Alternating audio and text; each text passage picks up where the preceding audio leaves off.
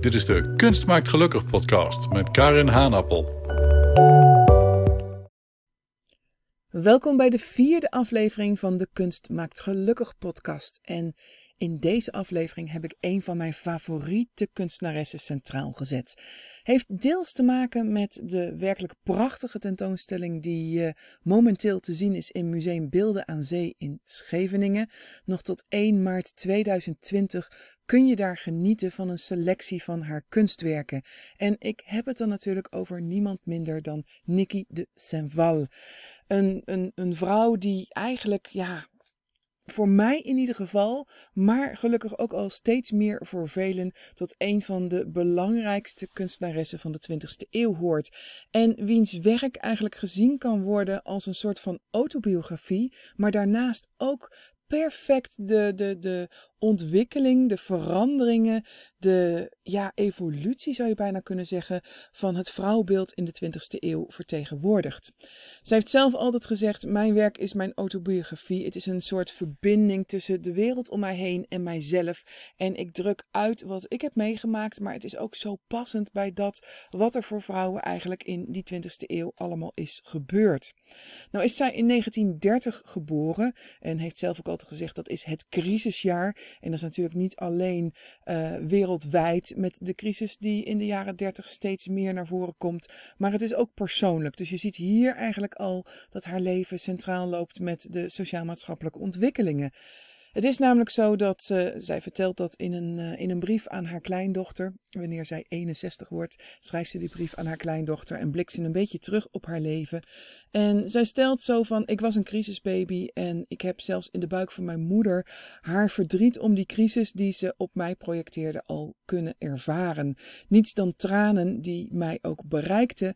En mijn ouders uh, hebben mij later ook aangegeven dat in hun opzicht was ik de schuldige van de persoonlijke crisis waar zij doorheen gingen. Die persoonlijke crisis die leidde er onder andere toe dat uh, ja, het bedrijf van haar vader werkte failliet ging. Dat haar ouders uh, besloten om niet langer in Frankrijk te blijven wonen, waar zij op dat moment woonde, maar te verhuizen naar de Verenigde Staten, waar haar moeder ook vandaan kwam. Haar vader is een Fransman, haar moeder was een Amerikaanse. En dan zou je denken, nou dan neem je die, die baby die net geboren is, drie maanden oud is, die neem je mee. Uh, als kerstverse ouders van deze dochter. Maar niets is minder waar. Nikki werd uh, ondergebracht bij haar grootouders op het Frans platteland. En daar bleef zij de komende drie jaar. Dus die eerste jaren van haar leven heeft ze eigenlijk al uh, zonder haar biologische ouders doorgebracht. En natuurlijk was het fijn en, en, en hè, werd ze goed opgevangen door haar grootouders. Maar hier zie je eigenlijk al wat er voor een lading op iemand kan komen te liggen wanneer uh, hij of zij, zeg maar, en dan zeg ik hem even tussen aanhalingstekens, in de steek gelaten wordt door de eigen ouders. In heel veel situaties zie je dan dat dit soort mensen er later nogal de nodige problemen mee hebben om een weg te vinden. En dat is bij Nicky de Sanval niet anders. Toch moet ik wel zeggen dat ik enorm veel bewondering heb voor de wijze waarop zij zich door al deze uh, ja, tegenslagen heeft uh, doorgeworsteld en wat ze ervan gemaakt heeft. En dat ze in heel veel opzichten voor mij, maar ik spreek ook voor veel anderen, een voorbeeld is hoe je uit de diepste diepten ook het licht weer kunt zien en daar op een fantastische wijze uit kunt komen. En ik kan dan alleen maar onderstrepen dat Nicky's werk uh, inderdaad autobiografisch is, maar daarnaast ook een zekere vrijheid vertegenwoordigt en een zekere heling met zich meebrengt. Zij heeft natuurlijk, uh, zij is niet zomaar kunst gaan maken. Zij is kunst gaan maken ook om een soort van uitlaatklep te hebben voor alles wat zij heeft meegemaakt. En ze heeft ook niet voor niets regelmatig tijdens haar leven aangegeven dat kunst de redding is geweest. Dat ze veel mensen om zich heen hè, de vernieling in ziet gaan, ook binnen haar eigen familie.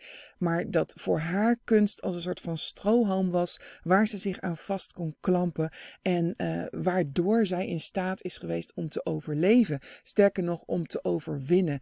En niet voor niets is het dan ook heel leuk om te bedenken niet zozeer alleen te bedenken, maar het is iets wat ze zelf ook zo heeft aangegeven, dat haar naam, Nikki, het is niet haar doopnaam, het is ook niet haar geboortenaam, maar het is een naam die ze zichzelf heeft gegeven, afgeleid van het Griekse woord Nike, wat voor niets of niemand minder staat dan overwinning. En wat je misschien ook wel kent van bijvoorbeeld de Nike-tempel op de Acropolis in Athene voor de overwinningsgodin.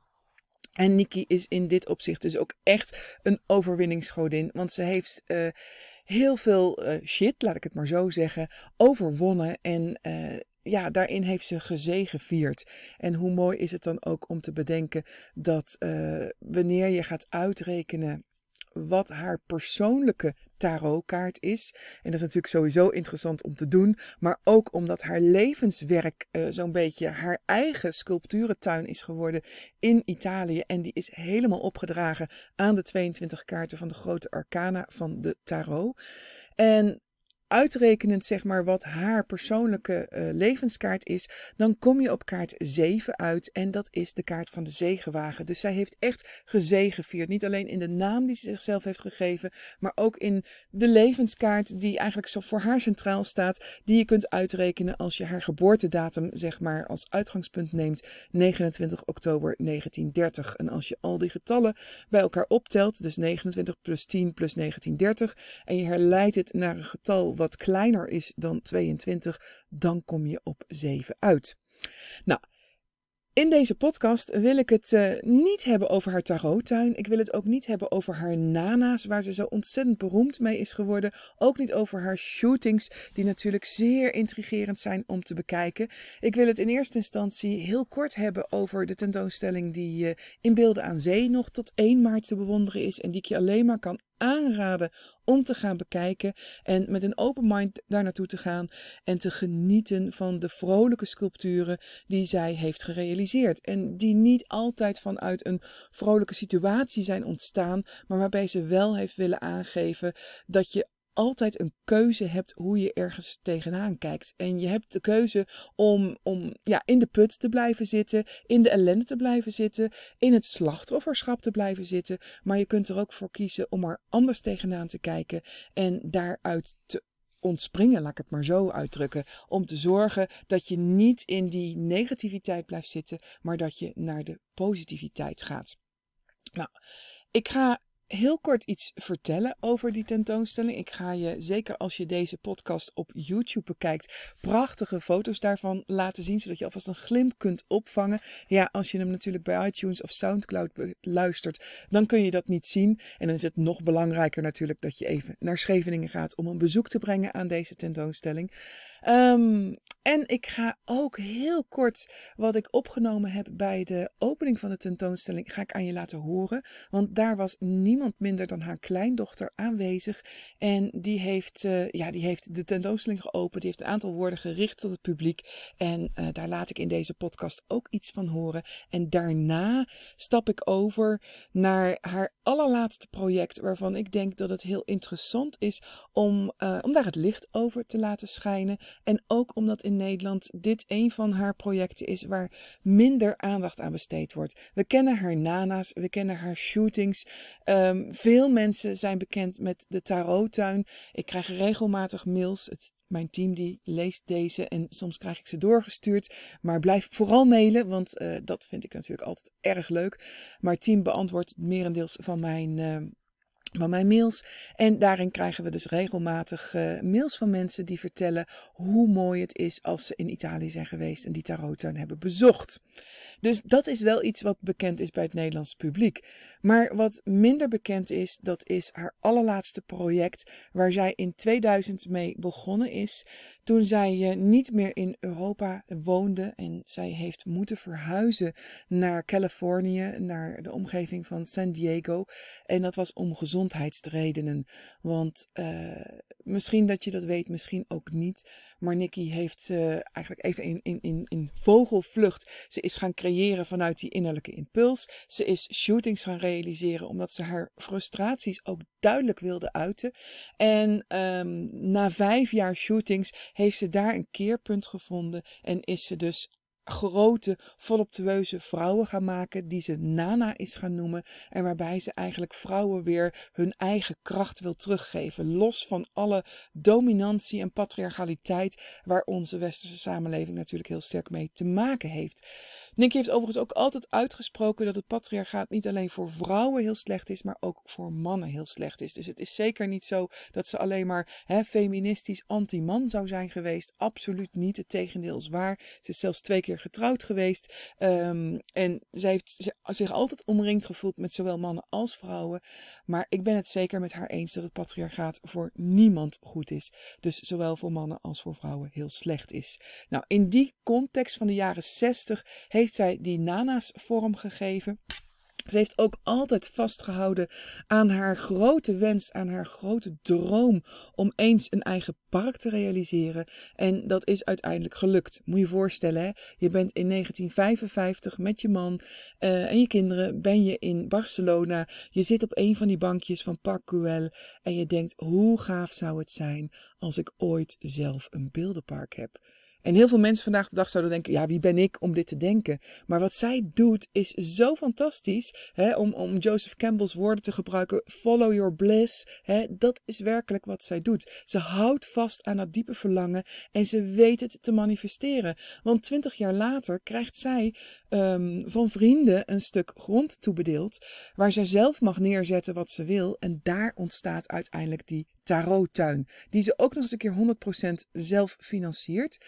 Omdat zij. Uh, en ja, zij heeft zoiets, ik wil mijn droom realiseren. Niemand zit er misschien wel op te springen. Niemand wil er ook in investeren. Dus ik ga dat zelf doen. Ze doet dat door onder andere een parfumlijn uh, op de markt te brengen. Ze doet dat door haar nana's in kleiner formaat en in oplages uh, op de markt te zetten. Waarbij al dat geld zeg maar doorstroomt naar de realisering van haar grote droom te weten, die uh, sculpturentuin die de tarottuin is geworden. Maar met het bezig zijn met die nana's, en dat is iets wat eigenlijk al eind jaren 60, begin jaren 70 gebeurt, gebruikt zij uh, materialen zoals polyester. En ja, wat toen de tijd misschien minder bekend was, of waar ze misschien wel helemaal niet aan gedacht heeft, is dat het natuurlijk ook een heel giftig uh, materiaal is. En zij heeft haar longen daar dusdanig mee beschadigd dat die dus ook verbrand zijn. En dat zij op een gegeven moment met zuurstofmaskers op moest lopen. Nou, dat is natuurlijk absoluut niet plezant, zacht uitgedrukt. En um, zij blijft, ondanks al die ellende en die fysieke mankementen, blijft ze doorgaan met creëren. Maar het leidt er wel toe dat zij in 1994 eigenlijk Europa verlaat, nog sporadisch hier komt, maar grotendeels van haar tijd in uh, Californië doorbrengt, omdat het klimaat daar gunstiger is voor haar uh, fysieke problemen, voor haar problemen met haar longen. En wanneer ze dan in Californië is, dan blijft ze ook nog steeds creëren. En um, dat project waar ze in 2000 dus mee start, wat ze eigenlijk hè, opdraagt aan de wereld, aan de mensheid, wat ze nalaat daar, daar ga ik zo meteen uh, over vertellen. En ja, de mensen die de podcast op YouTube kijken, die kunnen natuurlijk ook de plaatjes erbij kijken. Maar anders is het natuurlijk ook heel tof als je naar San Diego gaat. Um, in de buurt van San Diego, van de stad is het in ieder geval het district San Diego. En deze Magical Circle van Queen Calivia gaat bekijken. Nou, voordat ik daarin duik, krijg je eerst even een klein stukje um, te horen van de, de, de, de opening, de openingswoorden zeg maar, van Bloem Cardenas, oftewel de kleindochter van Nicky de Saint-Val. Right there. Um, can you tell something about that? Must be have been the most amazing playground for a little kid, I think, to walk around there with all the people working. Can you uh, tell something about it? Well, already there was the Cyclop from Jean Tinguely that was a great, crazy place for a child. But the thing with with the tarot garden that was extraordinary for a young woman or kid, teenager, and then woman was that uh, when I was a teenager, I was working with Nikki's archives already. Uh, but I looked, I saw an interview of her from 1961 where she said, One day I will do a garden of sculptures. And when I read that article, I had been sleeping in that fantasy of hers from the 60s. So it just proved to me how extraordinary, once again, which I already believed, she was because she had an incredible will, she knew her destiny, and she made it happen. And so, yes, to be able to spend a Christmas night or New Year's Eve, just the two of us playing cards uh, inside the Sphinx was quite incredible. And, you know, I would go clubbing, and then people would bring me back and be like, oh, this is where you live? You know the crazy lady? Uh-huh. Because that's how they called her there. and I was like, yeah, I know her. Bye. so, no, it's an incredible place because, and I recommend anyone to go and to bring children because it creates a world of possibilities uh, for in children's minds that you can do anything you want. You can create your own rules. That takes me to uh, actually the last question is, uh, can you say something about the, the message, the subjects that she touches upon in her work? Well, it depends on what time period. no, I think Nikki, um, we like to say Nikki is a story of healing. It's a story of healing. And throughout her life, she went through different approaches through her art to heal herself and, and tried to bring positivity in dealing with her own negative issues. And so, first, she had a lot of aggression that she put out in the world.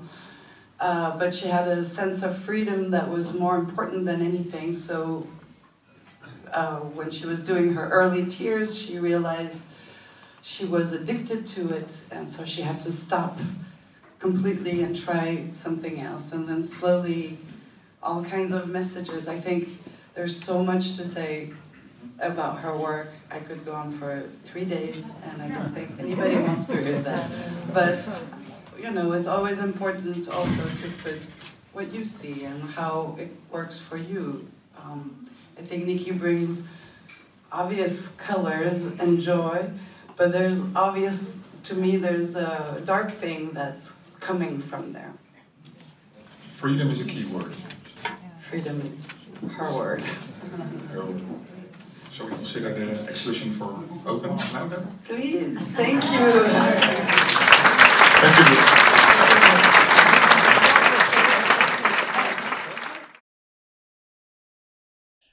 Ja, en dan neem ik graag het woord weer over en neem ik je eigenlijk mee naar Californië.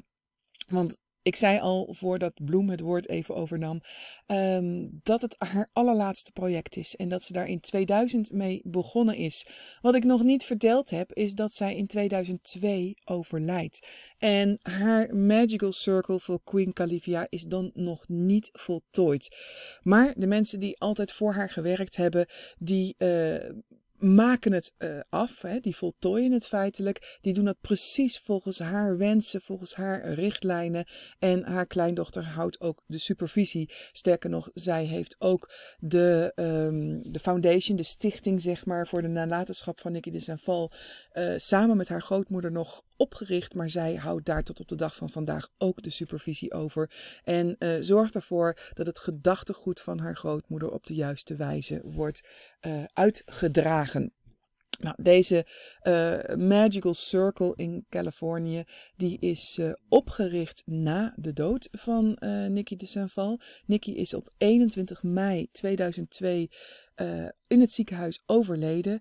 Haar lichaam was feitelijk op, zou je kunnen zeggen. Haar geest nog niet, maar als het lichaam ophoudt, dan ja, houdt het hele leven eigenlijk gewoon op. Want we zitten hier natuurlijk op aarde eigenlijk in ons fysieke jasje. Onze ziel mag dan wel eeuwig zijn. Onze geest mag dan ook nog wel verder willen. Maar als het lichaam uh, niet langer functioneert, dan houdt het feitelijk op. Interessant weetje is misschien wel dat Nikki, maar ook haar partner Jean Tengeli, haar tweede echtgenoot, dat die altijd hebben uitgesproken de woorden La mort n'existe pas, oftewel de dood bestaat niet. En Nikki heeft daar altijd aan toegevoegd because life is eternal, omdat het leven eeuwig is. En uh, zij was dan ook zeker van mening dat ze op een of andere manier, op een of andere wijze in een andere dimensie nog altijd verbonden is met de projecten die zij hier op aarde heeft gerealiseerd en die ook na haar dood nog steeds blijven existeren. Nou, op 26 oktober 2003 is het uh, officieel geopend en is haar uh, Magical Circle van Queen Calivia een feit geworden. Het is een, een, een, een schitterend project uh, waar ja, eigenlijk heel veel mensen nog steeds dagdagelijks naartoe komen. Het is het enige monumenta monumentale project wat zij gerealiseerd heeft uh, in de Verenigde Staten. En waarbij ze ook het, het gedachtegoed, maar misschien moet ik het wel anders verwoorden. De, de, de betekenis die dit landschap, deze natuur voor haar heeft. Met de native people die hier ooit hebben gewoond en die er sporadisch nog zijn. Ze heeft zich geprobeerd om deze mensen en deze geschiedenis, deze cultuur te verbinden. En het is dan ook werkelijk fascinerend wat je daar te zien krijgt.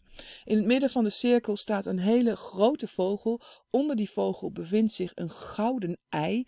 En bovenop die vogel, daar staat een, een, een, een zwarte koningin. En dat is Queen Calivia. En om die vogel heen is dus die cirkel. En in die cirkel staan ook nog verschillende totems, hè, totempalen. En die hele cirkel aan de buitenkant, die wordt als het ware omcirkeld, laat ik het maar zo zeggen, door slangen. En slangen hebben in onze uh, westerse wereld een beetje een negatieve betekenis gekregen. Voor een groot gedeelte komt dat ook door, uh, door de christelijke visie die uh, de slang gedemoniseerd heeft. Maar als je gaat kijken in pre-christelijke tijden, dan zie je dat de slang eigenlijk het symbool is voor wijsheid en voor regeneratie. Nou, regeneratie kan ik heel makkelijk uitleggen. De slang is namelijk in staat om zijn of haar huid af te leggen en daar weer opnieuw uit geboren te worden. Dus daar zit een heel mooi cyclisch aspect in. En dat de slang voor wijsheid staat, heeft natuurlijk ook alles te maken met die pre-christelijke tradities die wij een beetje kwijt zijn geraakt, maar uh, die oh zo interessant zijn om je wil, weer eigen te maken. En als je daar meer over wil weten, dan raad ik je eigenlijk gewoon aan om uh, naar mijn Ancient Her Story programma te gaan. En uh, ja, je kunt het volgen en daar zal ik veel meer over dit soort oude wijs, wijsheden vertellen. www.ancientherstory.nl als je daar meer informatie over wil weten. Maar hoe mooi is het dat ze dus een cirkel heeft gemaakt, dat ze die slangen als het ware, hè, die cirkel ook laat vormen en dat daar binnen in die cirkel dus die grote vogel staat met dat gouden ei, met die Queen Calivia erboven en ook nog allemaal verschillende totems. Nou, Nikki zelf heeft altijd uitgesproken, uh, hè, vanaf het moment dat zij in Californië is gaan wonen, heeft ze gezegd: Californië is voor mij, heeft voor mij eigenlijk de betekenis van een soort wedergeboorte. Zeker voor mijn ziel. Het was een aardbeving voor mijn ogen om daar te komen. De zee, de woestijn, de bergen en de, de briljante kleuren die ik daar waarnam. Echt, het was alsof ik helemaal door elkaar schudde. En deze nieuwe manier van leven voor mij eigenlijk een hele andere manier van leven, die heb ik omarmd. En ik heb in dit landschap heb ik zoveel kennis opgedaan door me gewoon te verbinden met het landschap en de fluisteringen te horen uit die lang vervlogen tijden. En wat ik geprobeerd heb is om dat te manifesteren in mijn werk. Nou, dat is dus onder andere te zien in die Queen Calivia's Magical Circle. Nou, is het natuurlijk wel interessant ook om te weten wie is dan die Queen Calivia? Hoe komt zij aan, aan, aan deze naam? En daar ben ik dus een beetje onderzoek naar gaan doen. En ben ik erachter gekomen dat eigenlijk de hele naam van, van dat gebied Californië afgeleid is van een roman die in 1510 is geschreven, dus in het begin van de 16e eeuw, door een Spanjaard, Garcia Rodriguez de Montalvo. En dat is een van de, de, de Spanjaarden, zeg maar, die meekwam met de, de, de, ja, laat ik maar zeggen, koloniseringen die na Columbus hebben plaatsgevonden. Wij uh, rekenen Columbus altijd als een van de eersten die voet aan land zet in dat hele continent van Amerika. Hij ging natuurlijk op zoek naar Indië, wist helemaal niet dat dat Amerikaanse continent daar nog tussen zat en dacht dat hij Indië had gevonden en noemde de mensen die hij daar aantrof Indianen. Nou, 1492 is dat magische getal wat wij er altijd bij leren. Nou, als je je daarin gaat verdiepen, zie je dat al wel wat eerder het een en ander heeft plaatsgevonden en natuurlijk daarna ook. Maar we moeten niet vergeten dat uh, de man die daar aankwam met zijn hele gevolg wel vanuit een dominant westers wit perspectief hier instapte. En dat die Spanjaarden die ook in de decennia na hem volgden, eigenlijk diezelfde mindset hadden. Voor hun was alleen maar alles wat wit en westers was, was, was prominent goed. Hè? En moet ik nog even bijzeggen, uiteraard ook christelijk. En dat is wat je niet aantreft waar zij aankwamen. Nou kwamen zij niet in Californië aan. Laat daar geen misverstand over bestaan. Zij kwamen als eerste in de gebieden die wij nu als uh, Guatemala en Mexico kennen. Maar ze gingen steeds verder en ze koloniseerden ook steeds verder. Californië, dus dat gebied wat wij nu zo noemen, heette destijds natuurlijk helemaal niet zo. Maar dat is pas in de loop van de 19e eeuw gekoloniseerd. Is bij de Verenigde, Verenigde Staten geschaard. En dat heeft gewoon op een dominante wijze plaatsgevonden. Het is echt niet zo dat die mensen zeiden: mogen we alsjeblieft bij jullie horen? Nee, dat is gewoon keiharde kolonisatie geweest. Um, maar toen ze dat dus ingenomen hadden, toen hebben ze dat gebied genoemd Californië naar dat boek dus van Garcia Rodriguez de Montalvo, wat hij in 1510 heeft geschreven en wat hij getiteld heeft uh, Sergas de Esplandian, als ik het goed uitspreek. Mijn Spaans is niet zo perfect. Interessant voor ons is om te weten waar of deze roman over gaat. Die roman gaat namelijk over een legendarische zwarte koningin die geleefd zou hebben op een eiland wat hij, deze Garcia Rodriguez de Montalvo, Californië noemt. En dat eiland, dat uh, laat hij eigenlijk zo aan de, ja, de westkant zeg maar, van het huidige Californië plaatsvinden. Nou heeft daar helemaal geen eiland gezeten, maar dat is dus al in een roman kun je dat ook op deze wijze gewoon neerzetten. Wat hij vervolgens doet, is hij zegt: op het eiland is die zwarte koningin de baas over iedereen. En het is een eiland waar alleen maar vrouwen wonen. Het is een eiland waar zij heerst en waar de vrouwen heersen. En natuurlijk hebben deze vrouwen ook mannen nodig voor hun nageslacht. Dus af en toe mogen die langskomen. En dan mogen ze die vrouwen als het ware bezwangeren. En wanneer die vrouwen zwanger zijn geworden, worden die mannen weer van het eiland gestuurd. Soms ook gewoon eerst afgemaakt. Uh, en als er meisjes geboren worden, mogen die in leven blijven. Als er jongens geboren worden, worden die gewoon vermoord. Wat hij hier doet, is fictie. Laat ik dat even heel helder maken. Het is fictie. Het bestaat niet.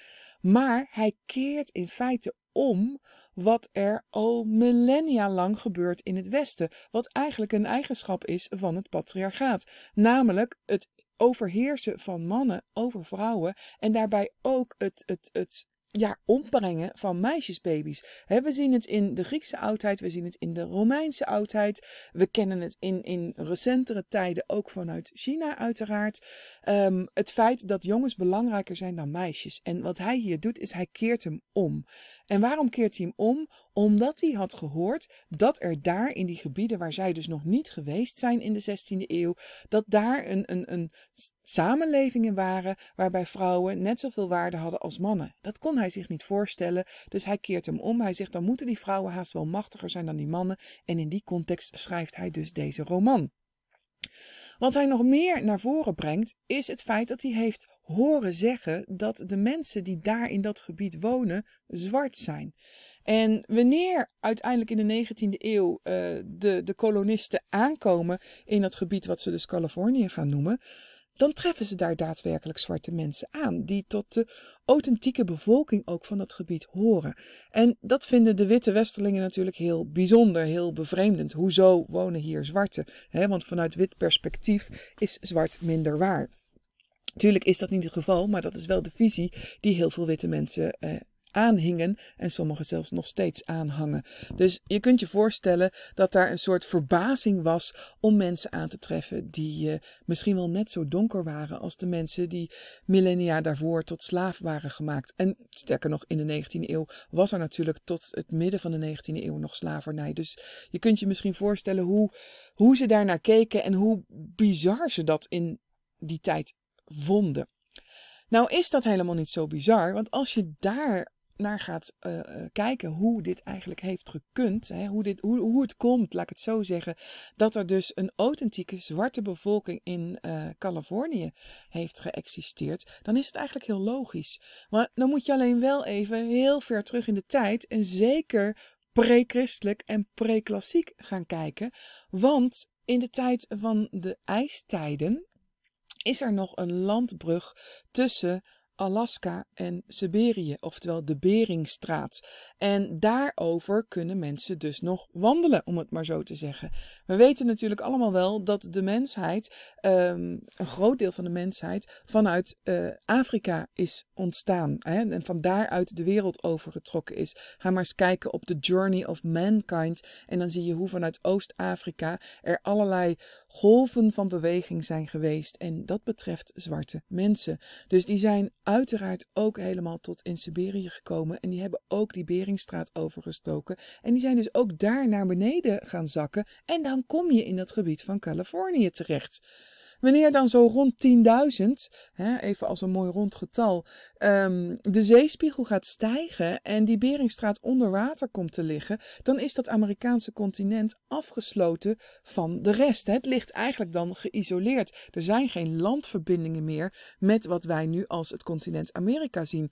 Dus die zwarte mensen, die blijven daar natuurlijk leven. Het klimaat is er ook gewoon goed voor ze. Hè? Laat ik zeggen, ze behouden hun kleur daar ook.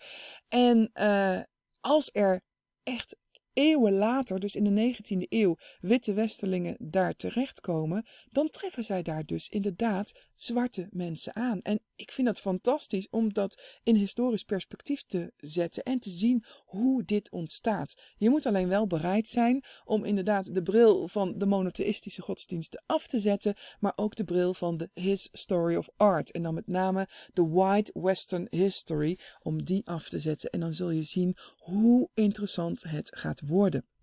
Nou, Nikki die is, uh, ja, die is daar natuurlijk gaan wonen in dat gebied. Die heeft zich verbonden met de natuur, met het landschap. Maar die heeft zich ook helemaal in die, uh, die mythes, die legendes en die, die native culture, zeg maar, uh, heeft ze zich ingeleefd. En met die context heeft zij haar Magical Circle gerealiseerd.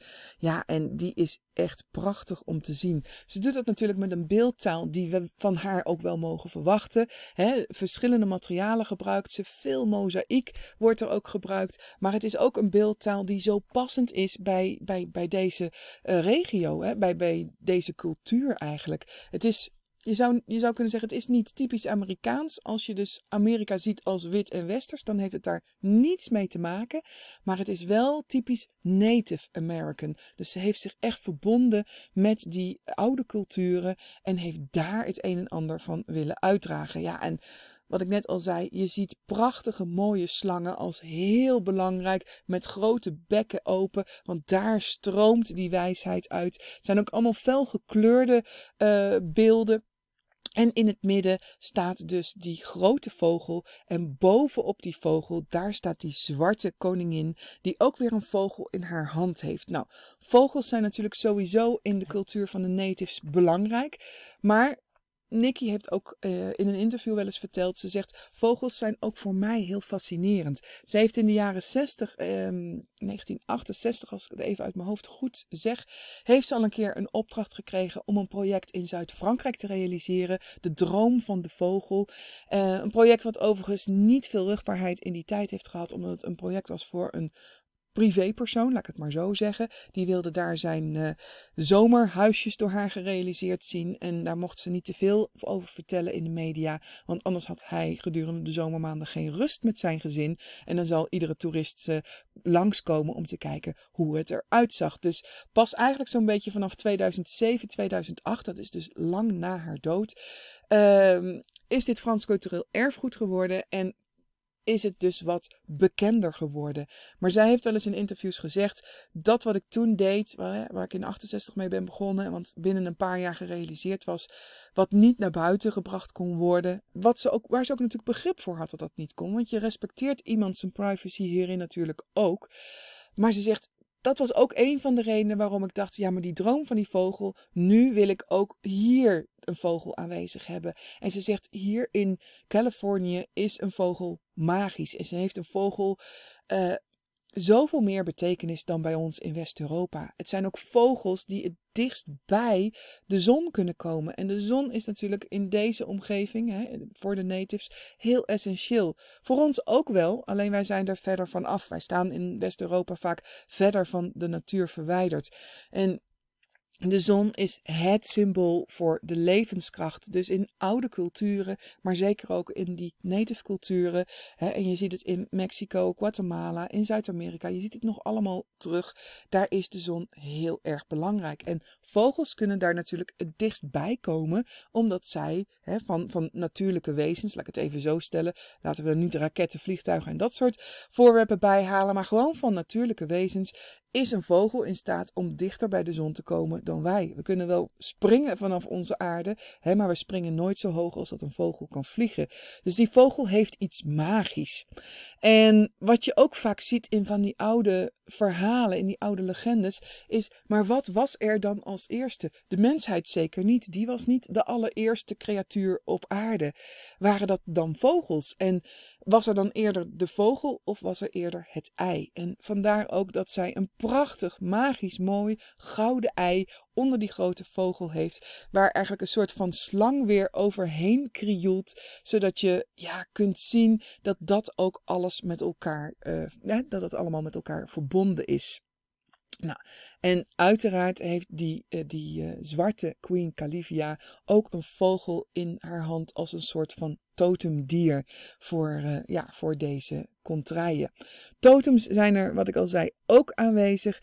En totems moet je eigenlijk zien als een soort van, van krachtelementen. En dat kunnen krachtdieren zijn, maar dat kunnen ook wezens zijn. Het kunnen goden zijn, kunnen godinnen zijn. Landgeesten, zeegeesten, noem maar op. Die eigenlijk met families verbonden zijn. En het samengaan heeft daar natuurlijk een hele belangrijke rol. Nou, je ziet gewoon als je daar bent, eh, maar ook als je de foto's op de YouTube-video eh, bekijkt, hoe mooi het allemaal is gerealiseerd. Ik ga deze podcast, deze vierde podcast, ga ik besluiten, of afsluiten moet ik eigenlijk zeggen. En uh, er is natuurlijk over Nicky de Saval nog veel, veel, veel meer te vertellen.